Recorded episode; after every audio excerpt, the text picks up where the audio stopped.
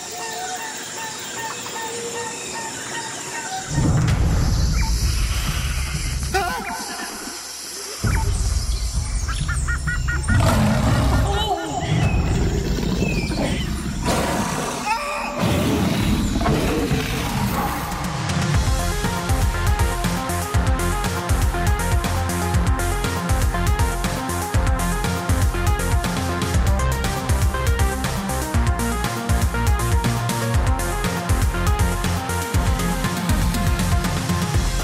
Hjärtligt välkomna ska ni vara till ett nytt avsnitt av den här höstspecialen som går då under namnet Djungelbonanza. Vi är Något Kaiko Podcast där vi varje vecka kommer slå på bongotrumman, springa iväg från stenklot, öppna skattkistor och undvika i största möjliga mån att bli lemlästade av vilda, livsfarliga djur. Ah! My God, jag skit ner mig igen! Tur att jag har med mig ett par extra Lee jeans här. Fan vad härligt. Jag heter David, jag kallas för Dava och på andra sidan, bokstavligt talat igen den här gången, i vår studio så sitter han där, min vapendragare, Stefan Brutti, kung Tutti Holmberg. Vi kör såklart en applåd och en liten, liten... Tuta på det!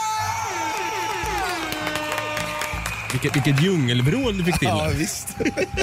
Ah! Eh, förra veckan så satt ju du och jag bokstavligt talat med kalla kårar. ja, verkligen. längs ryggraden när Josefin Molén gästade oss och bjöd på minst sagt en mystisk, ett mystiskt försvinnande i Panamas djungel där. Eh, vi pratade då om verklighetens Mowgli, om, om barn som antingen vuxit upp eller försvunnit i djungeln. Ja, vad läskigt. Ja, verkligen. Det var det. Men vi gör det igen nu. Vi har återigen med oss en gäst i det här avsnittet, Brutti. Det har vi. En efterlängtad gäst kan vi också säga att det är. Vi har haft med honom i podden förut. En man som tar filmtittande på största allvar. Och när han inte sitter och tittar på film på sin stora projektorduk i sin lägenhet så skriver han även manus till Seriemördarpodden med Dan Hörning. Där han just nu också då, den här gästen, är aktuell med den efterlängtade serien om Ted Bundy. Alltså sitter och skriver där om kanske en av de mest kända seriemördarna som finns. Men inte den mest kända. Ja, den Skulle jag nog säga faktiskt. Jag hade fan sagt det också. Den mest kända. Och liksom vi så är även den här gästen även förtjust av djungel och alla andra läskiga mystiska saker och ting som man kan finna då i en sådan. Och ruiner. Ruin. De heter ruiner. There, there we go också, there we go. Vi ger en stor och varm applåd och en tuta återigen till våran filmvetenskapsman David Oskarsson! Tack så mycket. Tack så himla himla mycket. Kul att vara här igen. Ja, fan vi har saknat dig David alltså. Det har vi Jäklar. verkligen. David Oskarsson är från och med nu David. David Persson är från och med nu Dava. Yes. Yes. Så om jag säger David, då menar jag David Oskarsson. Och säger jag Dava, så menar jag Dava. Bra. Jäkligt bra pedagogiskt förklarat här måste jag säga. Tack. Senast David så pratade vi om filmerna vi minns i vinterspecialen förra året som var då Retrobonanza. Precis, precis. Det blev ju tre hela avsnitt där av den serien. Tre extremt bra avsnitt, om jag får säga det själv. Lite Ja, förment när man medverkar kanske, men ja. Jag tyckte att de blev lite väl korta de här avsnitten däremot. Eller så var det filmserien som blev lite kort. Men jag hann inte prata. Nej. Jag tyckte att du och jag hade en väldigt bra sån här jargong mot varandra och i, i de här filmerna som vi hade passionerat liksom berättade om.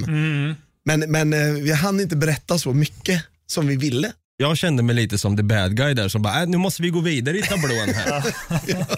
ja, men det hade kunnat bli hur långt som helst. Det var superkul verkligen. och jag måste passa på att fråga här då, vi är ju, både Brutt och jag är nyfikna på här, vilken är din favorita djungelfilm? Alltså en Oh. film som utspelar sig i en djungel. Alltså jag har ju förberett lite inför det här. För det finns ju så många bra filmer som utspelar sig i djungeln.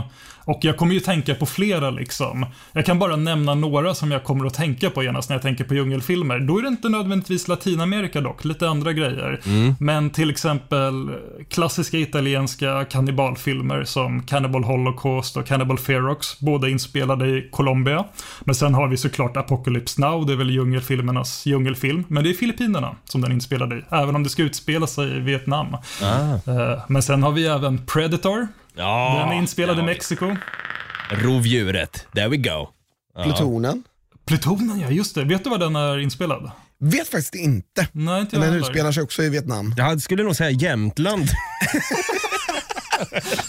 Jämtland är det. Härligt att se lite svensk, svenska tallar och granar. Sveriges svar på regnskogen liksom. Men min absoluta favoritdjungelfilm någonsin, det måste ändå vara Sorcerer, som inspelad i Mexiko. Ah. Brutti, din favoritfilm som är Djungel-George. baserad... Djungel-George säger direkt. Han har inte ens formulerat down. Nej, eh, jag vet faktiskt inte. Det där, är- det där är väldigt... Jag, jag nämnde ju Plutonen därför att jag tycker att den är ju en av mina absoluta favoriter. Mm. Sen alltså, jag är ett stort fan av filmen Tropic Thunder också. Fan, jag skulle säga den! Inte för att det är någon tävling eller så, men... Ja. Eh, och sen Indiana Jones and the Temple of Doom. Mm. Sen får man ju säga lite om det, om man tycker att det är djungel eller inte, men det är, ja. Hör, hör och häpna på min här då. Jag vet inte, det här är väl också lite så här. Ja, men det är fortfarande en djungel för fan. Ja, Jurassic Park. ja men faktiskt. Det, det känns som en djungelfilm, ja. Ödjungel. Exakt, och det är ju ganska mycket djungel som är, alltså det är väl riktig djungel i tvåan, är det inte det? Eller är de fortfarande på just den ön i tvåan? Ja, då är det Jo. The Lost World. Just The det. Lost World så är de ju fortfarande på samma ö. Ja, det är rätt. För jag minns att den är så jäkla djunglig, tvåan. Där känns det verkligen som ja. är djungeln. Precis där när Peter Stormare dör i den också, där är det ju, Ja. det, då, då känner man bara att här, nu är han djupt inne i djungeln. Ja, och djupt ner i skiten också.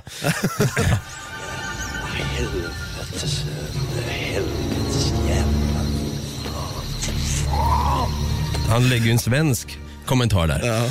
Nej men, eh, ja, i den djungeln i alla fall så är det ju livsfarligt att vara. Kan vi ju hands down säga. Ja. Eh, innan vi ska presentera vad vi faktiskt ska prata om i det här avsnittet. Det här vill inte ni missa kan vi garantera. Men vi måste passa på att fråga då David, har du någonsin varit i en djungel? Vi, vi måste bara veta det så att vi kan gå in i den här djungeln med all säkerhet. Jag har aldrig varit i en djungel och jag instämmer nog med det som jag tror Brutti sa i förra avsnittet, att jag har inget intresse av att besöka en heller faktiskt. Vi, all, vi har en djungelbonanza men ingen av oss skulle kunna tänka sig att gå- åka till en djungel. Ja, det, Det är fortfarande fascinerande, det tycker jag, men jag vill inte vara där. nej, vi, kan, vi kan podda om det, det får räcka så. Vad eh, kan finnas i en djungel då? Jo, jag låter dig utbrista där Brutti. Eh, bara köra. Livsfarliga djur. Ja, det är ju där det gör. Det är fan vad äckligt det är. Insekter och allt möjligt och vad fan det nu kan vara. Och det här är ju en av de stora anledningarna till att jag inte vill gå in i en djungel. Nej, eh, exakt. Det är samma här faktiskt. Jag vill ju här nu, eller det här kommer ju bli en del ett kan vi direkt säga. Alltså det- vi, som vi gjorde med klantiga brottslingar under krimbonanzan så delade vi upp det i olika delar och vi, jag har det på känn att vi kommer göra samma sak med den här Ja. miniserien. i Vi hade ju faktiskt det med, med filmerna vi minns också, med just David. Så att Exakt. det här är den andra poddserien som du kommer vara med i. Det, och det är jättekul. Så jag tänker nästan att vi, eh, vi drar igång, pratar om livsfarliga djur för vi har valt ut ett djur var som vi kommer då få berätta för varann och sen får vi väl dra ihop lite anekdoter där om vi har någon anekdot på djuren i fråga och eh, ja, om vi tror att vi hade kunnat lägga ett nacksving på det här djuret i fråga också i en djungel om vi har det modet i oss. Så jag tycker att vi, vi, vi går väl in i djungeln då och drar igång. Absolut. Ja, vi ska alltså prata om livsfarliga djur, del 1. För att ha det sagt också. Vi har filmvetenskapsmannen. Jag hade önskat att han var en djungelöverlevare och djungelexpert nu när vi ska bege oss in i den här djungeln och prata då om livsfarliga djur. Jag tror att han har sett tillräckligt mycket djungelfilm för att vara en djungelexpert ändå, så att det är nog rätt lugnt. Alltså, så länge du kan hålla två stycken AK47 i varsin arm med dina stora biceps där David, så är jag, är jag trygg. Då är jag Precis. Jag, jag förlitar mig på kunskapen och från alla filmer. Och en machete i, mellan tänderna också. Ja, men exakt. Och så röd bandana och Ja, ja, gud ja, men fan, nu känner jag mig genast mycket tryggare faktiskt. Så jag tänker att vi går lite varvet runt här och jag tänker att Brutti, du får nog börja med ditt livsfarliga djur. Och får vi se vart vi hamnar helt enkelt. Ja, vad har vi för livsfarligt djur i djungel nummer ett här då? Det här är ju ett av de som faktiskt är, anses vara ett av de absolut farligaste djuren i hela djungeln. Människan. Nej. Håll käften. Nej, jag pratar om Bothrops asper. Ja, just det. De ja, de är döda. Landsorm. Eller fur the lands som de också kallas. Vet ni var, varför de heter så? Nej. De har ett lite landsformat huvud, som en triangelformat lite grann. Och därför kallar de för landsorm. Okej. Ja. I alla fall, de lever i Centralamerika, norra delarna av Sydamerika. Eh, lite grann i Mexiko i, på östsidan. Och de här, de, det är ett nattdjur. De lever och liksom och utfodras och allting sånt på nattetid. De jagar då. Oftast, exakt. De små alltså. Ja. Och de äter i huvudsak typ möss och råttor. Eh, men under dagtid så kan de ligga väldigt, väldigt still och de kamoufleras väldigt bra bland löv och träd och, och, och blad och sånt. Så då kan de bara ligga där väldigt still och bara ligga och vänta på sitt nästa offer. Det är det där jag avskyr med de här djuren som exempelvis då befinner sig i en djungel. Att de är, de är så sneaky och stealthiga att de liksom, man vet inte om man kan råka kliva på den medan man ska gå runt. och Bara, Kolla den där palmen älskling. Vaden åt helvete. Det är liksom. inte helt ovanligt att just det händer. Åh, Och vet ni att ett eh, bett av den här, det är en jättegiftig orm. Såklart. Det är en av de absolut giftigaste ormarna i hela världen. Det känns som att alla ormar är de giftigaste i hela världen. Jag vet Jo, inte. Mm. Men lyssna på det här bara. När du blir biten av den här, då riskerar du att eh, få alla möjliga olika åkommor. Du kan, du kan liksom, hela din kropp kan stänga av i princip på bara, på några timmar. Åh. Du kan få liksom, hjärnhinneinflammation på några timmar. Du Ja. kan, om det här inte blir behandlat korrekt så kan du få kallbrand. Åh fy fan. Alltså om du tänkte att du blir biten i foten. Då kan du behöva amputera bort hela benet. Det har nämligen hänt. Det var en 11-årig pojke som, som blev biten i foten och eh, blev liksom, de fattade inte riktigt var, vad det var för någonting. De hade inte riktigt koll på det här sjukhuset så han fick antibiotika. Inte motgift. Ja, nej. Okej. Vilket resulterade i att han fick kallbrand och hela benet bara så här, det är alltså, det ruttnar. Det är väl det som de fick i skyttegravar back in the days Ja, va? precis. Kallbrand är ofta, för, det är mer vanligt att du får kallbrand på grund av att du förfryser någonting. Ja. Mm. Men du kan även få det av gift tydligen. Åh fy fan. Men det finns ett motgift i alla fall. Ja, det finns motgift och du behöver ha det om du inte ska liksom behöva göra någonting så behöver du ha det här inom en timme typ. Då händer det ingenting i princip, då, då är du ganska lugn. Men ehm, oftast är det ganska svårt att ta sig till närmsta ställe där det finns ett motgift. Ja. Så det, det är inte särskilt ofta man kommer helt eh, helskinnad därifrån när man blir biten av en sån här. Och grejen är att ett bett av den här ormen kan betyda att du får i dig 105 milligram gift. Det låter mycket. Det låter ganska mycket. Vet, du, vet ni hur mycket en dödlig dos av det här giftet är? En dödlig dos. De har en, en, eh, en dödlighet på ungefär 6% av alla som, som blir bitna. Det är ganska mycket faktiskt. Att det är ganska mycket som är en dödlig dos. Man får i sig 105 från ett bett. Ja, Ska det vara mer än det då? Ja, jag vet fan inte vad jag ska... 50 milligram kör jag på då. Jag drar till med 37. David Oskarsson har helt rätt. Oj. 50 milligram är dödlig dos. Ja, men applåd och en tuta till vår landsormsexpert numera. Det var bara tur. Gift, giftexpert David Oskarsson. Nej, ärligt talat så kan du, om du fångar, lyckas fånga en sån här, så kan du trycka fram tänderna och trycka ner eh, gift i en burk. Och då på, på ett sprut så, så kan du få ut mer än 250 milligram. Men det, ofta, det vanliga är att de biter så snabbt så de hinner inte få ut mer än 105 milligram. Men alltså det går på en millisekund, så bara puff, och sen är det klart. För de, de gör ju så, ormar. De gör ju sådär. Ja, just det. Det går ju på hur fort som helst, det är ju knappt att reagera. Nej. Och det är 105 milligram. Det är rätt mycket gift. Jag tänkte bara, 105 milligram. Vad för slags eh, mått kan man föreställa sig om man tänker sådana här ni vet man har i köket? Kryddmått, tesked. Vad, vad innehåller alla de där liksom? För att få en bild av. En matsked. Det är en matsked. Ja, jag, tror, jag, jag tyckte att jag läste att det var en matsked. Ja, men det är rätt mycket som sprutas in i kroppen då vid ett bett. Ganska mycket Ja, vätska. Faktiskt. Jag ska inte svära på att det är en matsked. Nej, det kan men- ha varit mindre. Det är ändå jävligt mycket liksom, gift som sprutas in på väldigt kort tid. Ja, men det känns matsked, vi är ändå där. Jag, jag vet, inte, det känns inte så långt. Sen, Det känns inte Det är överdrivet. så jävla sjukt också med det här giftet. Nu, nu ska jag inte svära på det, för nu, kan jag, nu har jag kollat på flera stycken giftormar, så jag hoppas att jag inte blandar ihop med någon annan liknande orm nu. För det finns en, en, eh, en annan som heter gyllene landsorm också. Det Ska, man ska inte blanda ihop de två, för den lever tydligen isolerad på en ö. Och den är level 30. Du, den är fan level 99. Den är Den maxad. är over 9000. Den, den, lever, den är så jävla sjuk. Det här måste jag bara dra lite snabbt. Kör. Den är så jävla sjuk, för den lever helt isolerad på en egen ö Aha. Vart? utanför Sydamerika. Därför att för 12 000 år sedan så var den här ön inte en ö. Då var det en halvö. För 11 000 år sedan så höjdes vattennivån Aha. och det avgränsades.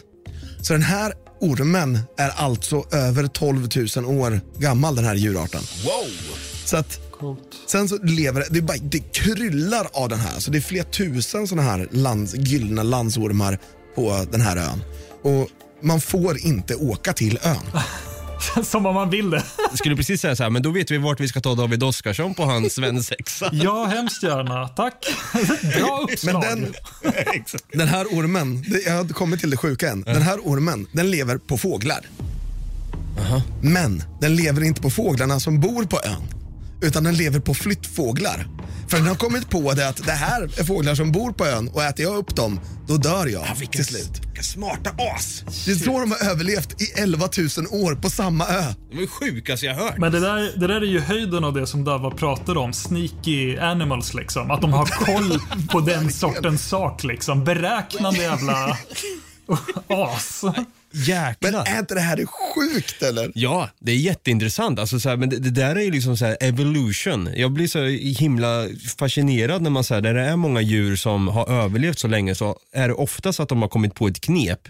Man ska aldrig underskatta de här djuren. De är smartare än vad vi tror alltså. Ja, verkligen. Men ja, jäklar vad sjukt alltså. Det, det var faktiskt så att på den här ön så bodde det en fyrvaktare för cirka 100 år sedan med hans fru och dotter. Tills den här fyren som de bodde i blev helt översvämmad av de här ormarna och de alla dog.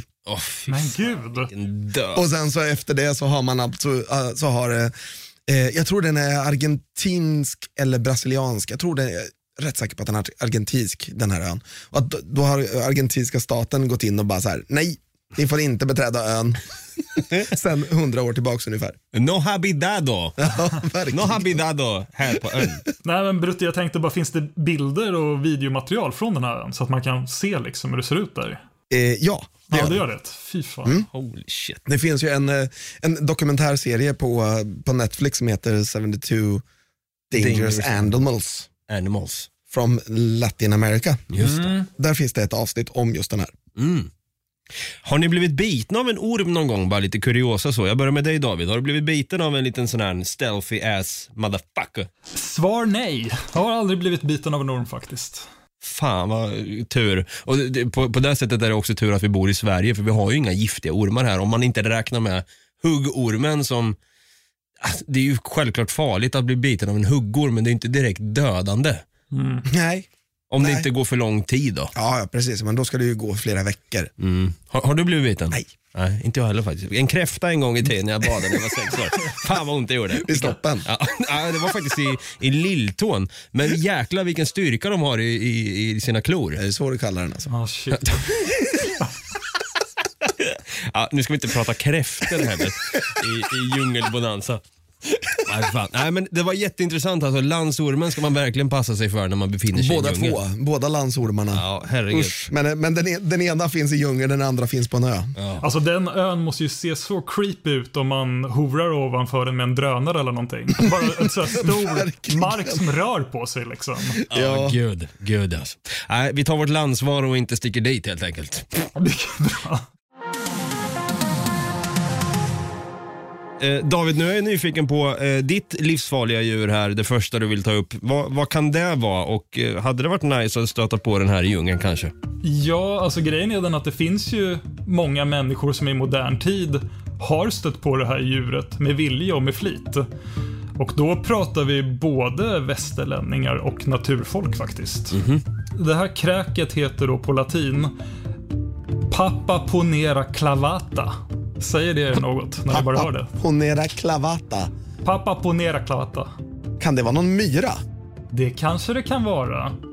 Det låter nästan som att pappa ponerar att det finns en klavata där.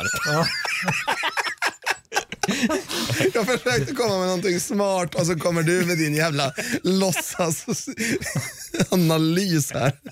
Hobbyanalysen Davva. Nej men vad fan, eh, ja, det, jag tippar och, det, Jag tycker det låter som att det skulle kunna vara en piraya faktiskt. Ja, Pavlova då. Ja. Det, jag säger som det är helt enkelt. Det här handlar om pistolmyran. På engelska känt som Bullet Ant. Och det här lilla avskummet återfinns i Nicaragua, långt österut i Honduras, ända till södra Paraguay. Så Det är, det är Centralamerika vi pratar om. det är ju rätt. Eh, Länder som jag skrivit ner där den finns. Honduras, El Salvador och så Nicaragua som jag sa. Costa Rica, Venezuela, Colombia, Ecuador, Peru, Bolivia, Brasilien. Så den är ganska väl utspridd ändå får man säga. Men vad heter han eh, som har gjort en egen skala på eh, olika djurbett, eh, hur Schmidt. ont det gör? Schmidt. ja, precis. Han har ju faktiskt haft med den här Bullet Ant och det, det, om jag inte missminner så är kanske inte längst upp, men någonstans i toppen ligger den ju. Jag vet. Vadå på, hu, på hur smärtsamt det är att bli biten av en Ja, pistolmyra? Exakt. Du, du kanske inte behöver avslöja, avslöja det just nu, men jag vill, jag vill göra lyssnarna redo på att det här är ingenting att leka med. Det är det verkligen inte. Och vi snackar ganska stora myror. Grejen är att nu när jag säger hur lång eller stor den är på längden då, så kanske det inte låter så stort. Men det är nog lätt att glömma hur små myror brukar vara. De här jävlarna är på 18 till 30 millimeter långa. Och det är stort alltså. Det är ju nästan tre centimeter kan de bli som max då alltså. Ja, de, de, det finns faktiskt rapporter på en något större, på nästan uppåt en 40 millimeter. Sjuka Fy Men, men alltså. det är typiskt så är de inte längre än, än typ max. Mm. 30. Men eh, ja, och liksom så här, bara för att skapa en ännu tydligare bild av hur stora de faktiskt är. Om ni tänker er vanliga myrstackar som man kan se i skogen i Sverige med jag vet, pissmyror eller vad kallas de? Hur många myror tänker ni att det är i en sån stack? Alltså bara liksom så här on top of your head liksom. Alltså, jag minns när man var liten, när man var jäkligt, jäkligt oskönt. Vänta, kan jag få bara säga det här så att vi bara har- tar ut elefanten i rummet? Ja. Kan ni vara ärliga nu? Kan vi bara liksom ha en liten bikt här och bara säga att vi alla här som pratar just nu någon gång i sitt liv har urinerat på en myrstack i skogen? Ja, det är en bra fråga. Jag kan faktiskt jag, jag kan ha gjort det men jag är inte säker.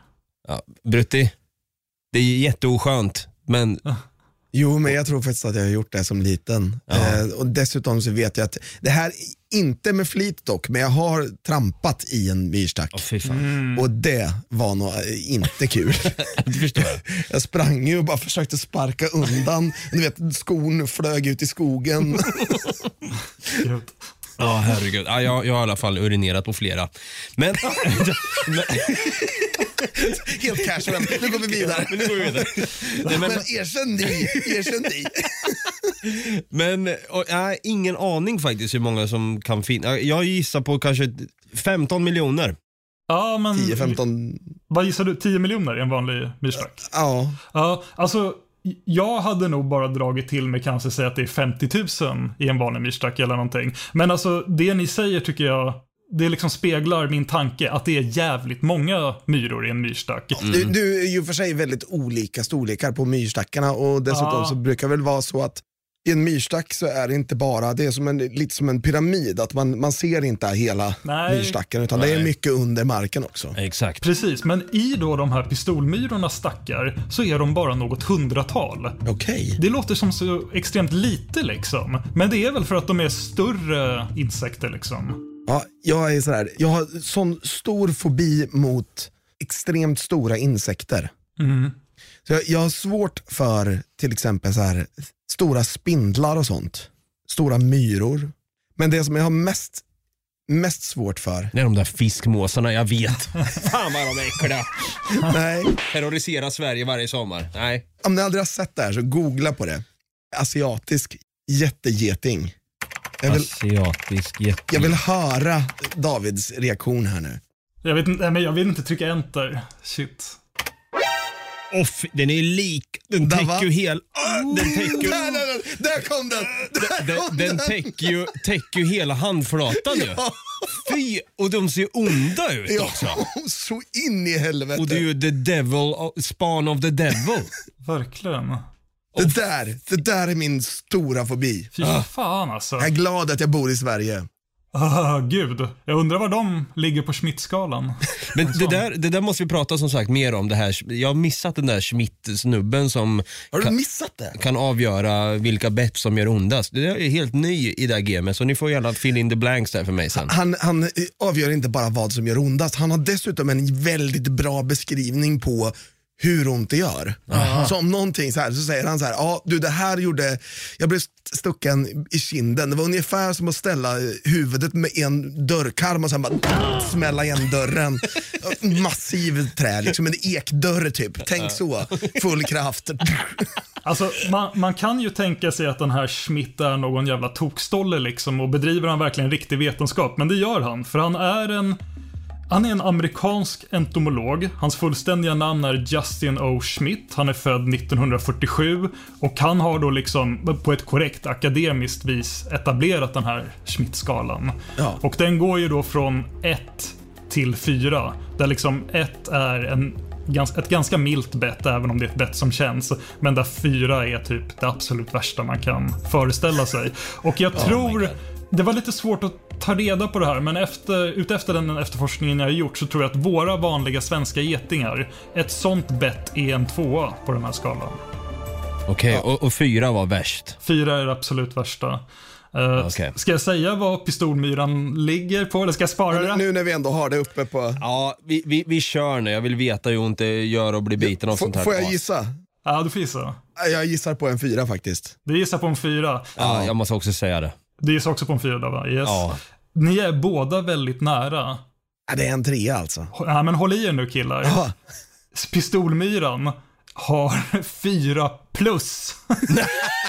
Den har ett plus i kanten. Oh jäklar i gatan! Och, ni ser, och då, då har jag precis visat er hur en jävla asiatisk jättegeting ser ut. Schmidts egen beskrivning av hur det här bettet känns då.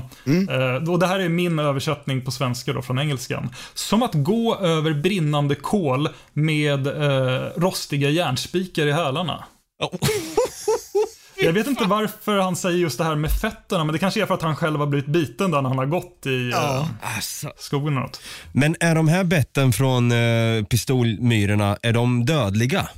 Gör det så ont att man nästan kan smälla av på grund av det? En väldigt bra fråga. Här är vad ett sånt bett faktiskt kan eh, orsaka hos en människa.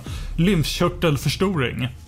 Man svullnar alltså, kanske vid armhålor, hals och sådana grejer. Och man kan även få ödem. Det är väl vattenansamlingar liksom, Ja, ja, som sväller kroppen. Eh, hjärtrubbningar kan man få. Oj då. Okej. Och man kan få blod i avföringen. Ah, det känns som att alla djur har tendens till att ge människan det. ja, jag blev biten av ett rådjur på vägen till jobbet. Skit, skit blod i tre veckor. ja, nej, fy fan. Men om man är en frisk vuxen individ som inte har några andra underliggande sjukdomar så är det extremt ovanligt att eh, dö av en pistolmyra. Men som sagt, ni kan ju gissa varför de heter som de heter. Ja, alltså precis. Det Det var känns- någon som tyckte att det- det kändes som att bli skjuten. Ja, det är fullständigt rätt. Men alltså jag tänker lite grann, egentligen borde den korrekta översättningen vara pistolskottsmyra. Ja, det är För sant. bullet är ju då pistolskott, eller ett skott. Bullet, pistol, ja, man kanske, I don't know. Oh, Fast eh, Ja. skottmyra, jaha. Ja, Skottar den eller vad? vad? ja jo, det är sant. Ja. Och pistolskottsmyra, det låter lite för långt. ja, det är sant. Det. Pistolmyra, det låter lite... Ja, det låter lite kaxigt. Vilket J ändå. Ja men det låter lite som en så här typ, eh, jag tänker 30-tal, jag tänker Chicago, jag tänker en mörk gränd. Vi, vi skulle kunna fråga 50 Cent som faktiskt har blivit skjuten nio gånger. Ja. Typ så, ta och slänga in honom i djungeln och så blir han biten av nio stycken pistolmyror och så här. Då kan vi liksom göra ett test där om han säger så här, yeah felt, felt like the same shit though. Got shot nine times in the jungle again. Ja, det vore något. Ja shit, fan. Sjuk jävla myra det där alltså, den där pistolmyran. Yes. Holy crap. Men här kommer mitt livsfarliga djur då. Som jag, jag tror nästan bräcker era små eh, pissdjur där. All right. Nej, jag ska, jag ska inte vara kaxig här. Okej, Okej Dava, okej, ska vi göra en tävling av Så det? vi ska ha det. Nej, det här är ri- riktigt äckligt djur faktiskt. Jag, jag har stor respekt för det här djuret och det borde ni även ha också kan jag säga. Jag tror genast att jag vet vilket djur det är du kommer ta upp Nej, från, från eh, Latinamerika. alltså. Chihuahuan. No.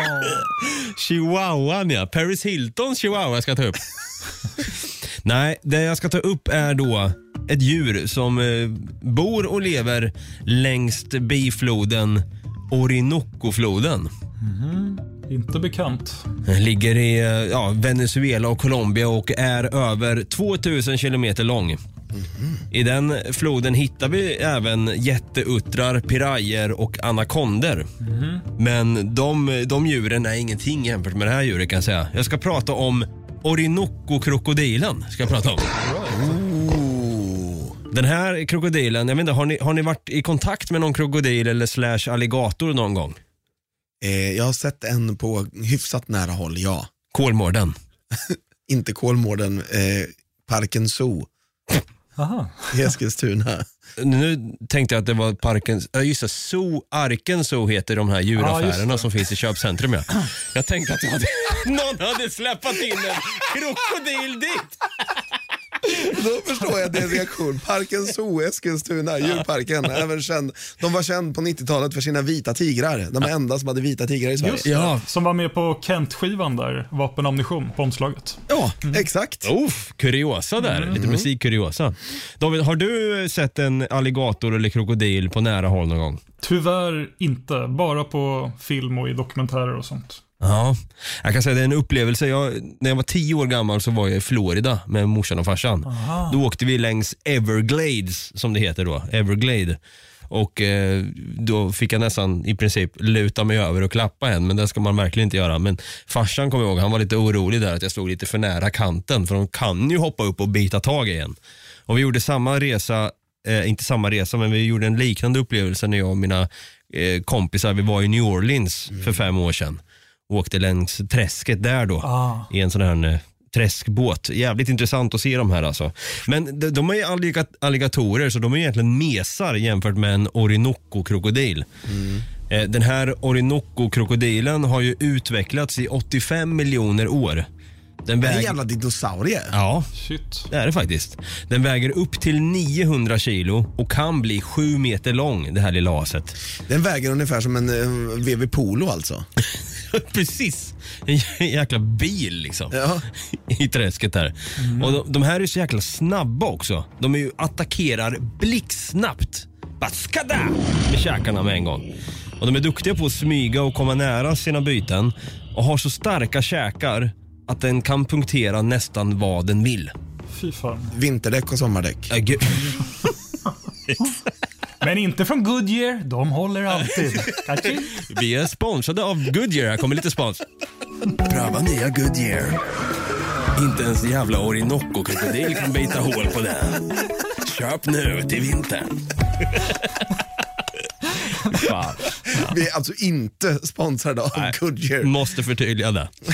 Men i den här djurdokumentären som vi har refererat lite till, alltså 72 Dangerous Animals in Latin America, så är det ju en galen krokodilbiolog i den som mäter bitstyrkan på den här Orinoco-krokodilen Okej. och har kommit fram till att det här djuret är en bitande världsmästare med den kraftigaste bitstyrkan av alla djur. Kraftigare än en uh, jävla uh, ockra. Ja, gud ja. Det är, eh, menar du späckhuggare då? Ja, exakt. Ja, orka säger man väl va? Orka. Vi drar en slow motion på det!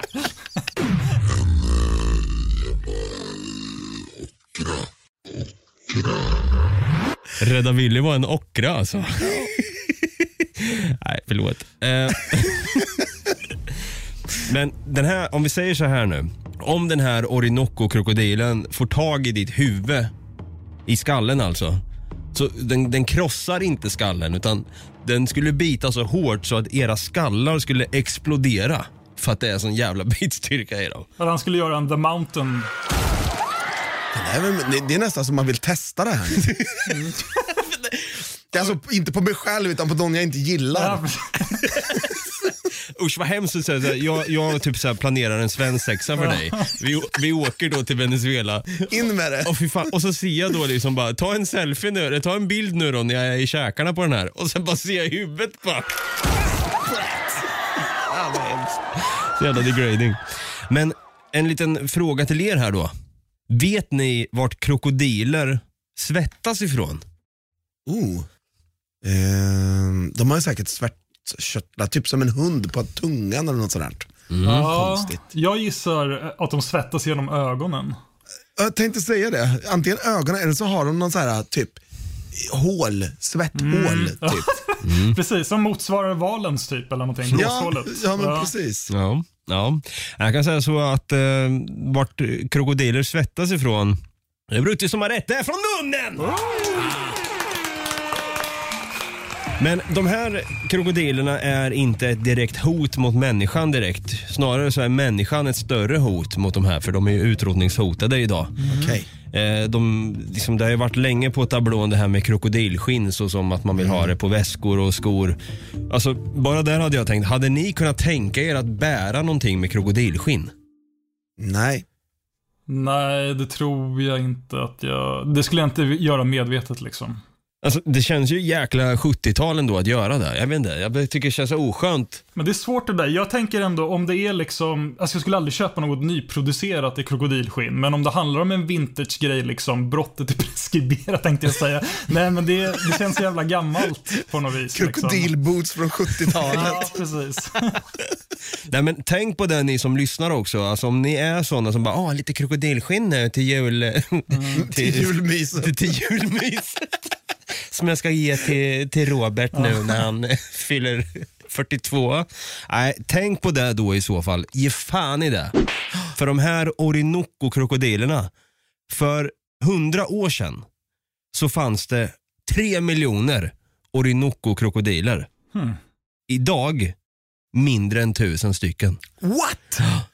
Det, Så det är så jäkla stört. De håller ju, håller ju på nu som fasen i, i Venezuela och Colombia att verkligen liksom hitta sådana här sanctuaries där de kan Ja. föda upp nya krokodiler som de kan lägga i. Alltså det här i är, vatten, som sagt, det, hur, hur lång tid tillbaka sa du att de har, alltså hela arten, 85 miljoner år ja, precis, 85 miljoner, de har funnits i 85 miljoner år. Ja. Och på 100 år, så de 100 senaste, så har människan bara fuckat ur och, Ja nej fy fan.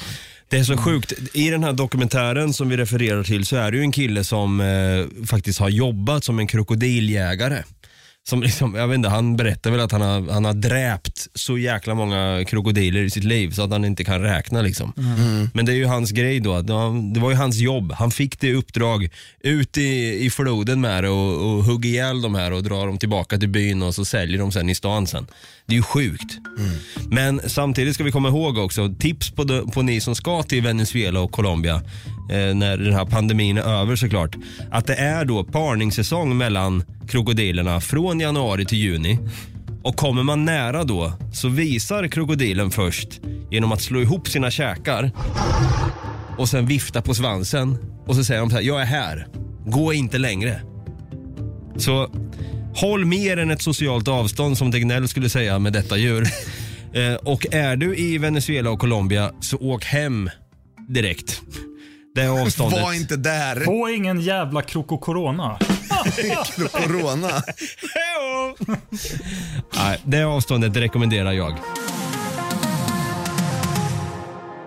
Ja jäklar alltså. Vi har alltså pratat om sjuka äckliga djur i det här avsnittet. Första avsnittet då av livsfarliga djur som kommer bli lite av en miniserie. Ja, det kommer det verkligen bli. Och det kommer bli, alltså jag vet inte hur många avsnitt för att det känns som att vi kommer kunna prata jättelänge om det här. Ja, Det är en evighetspodcast. Ja, Verkligen. Och så- det är så skönt också att se David att du har gått och blivit lite av en landsormsexpert här nu också.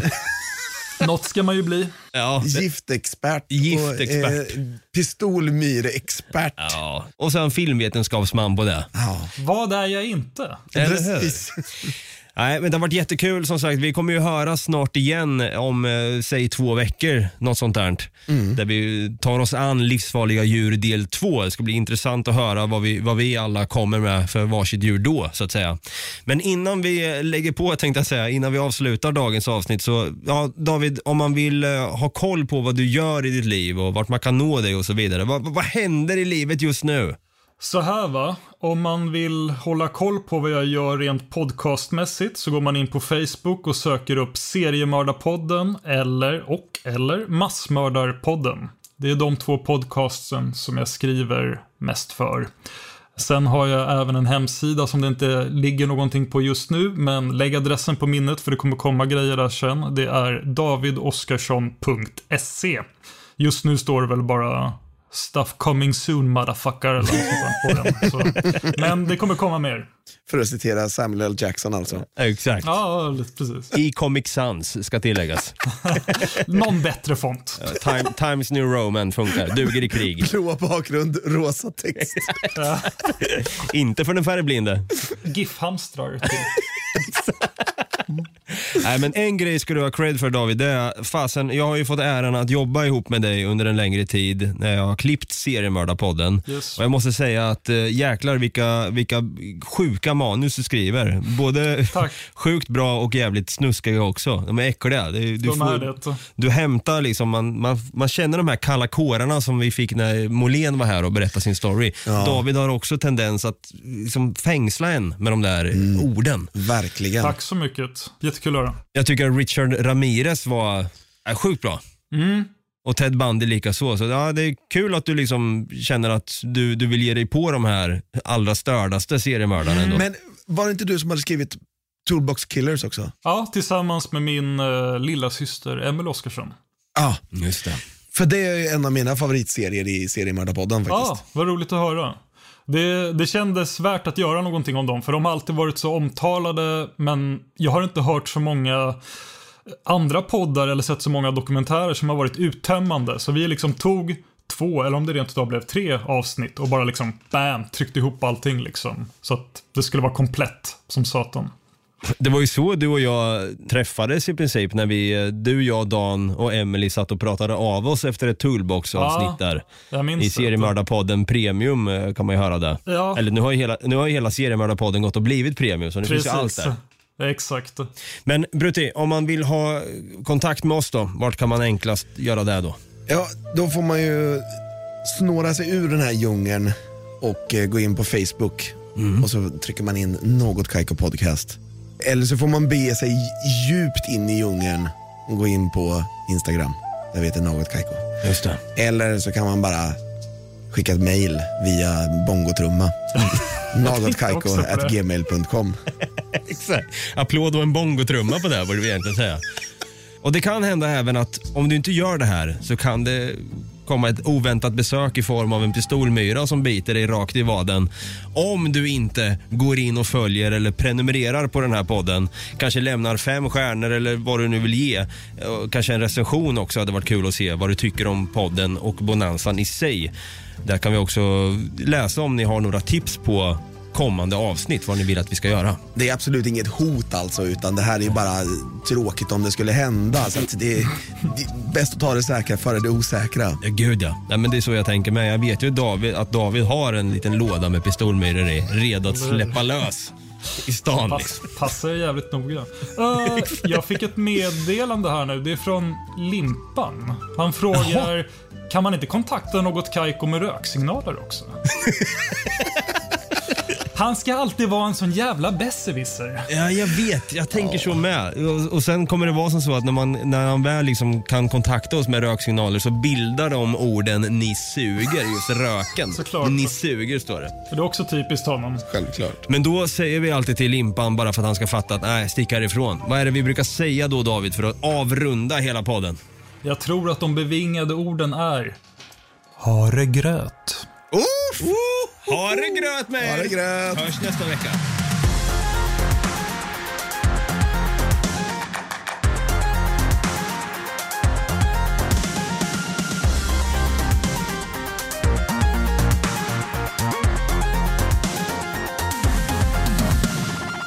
Produceras av I Like Radio. I like radio. Hej! Är du en av dem som tycker om att dela saker med andra? Då kommer dina öron att gilla det här. Hos Telenor kan man dela mobilabonnemang. Ju fler ni är, desto billigare blir det. Skaffa Telenor familj med upp till sju extra användare. Välkommen till någon av Telenors butiker eller telenor.se.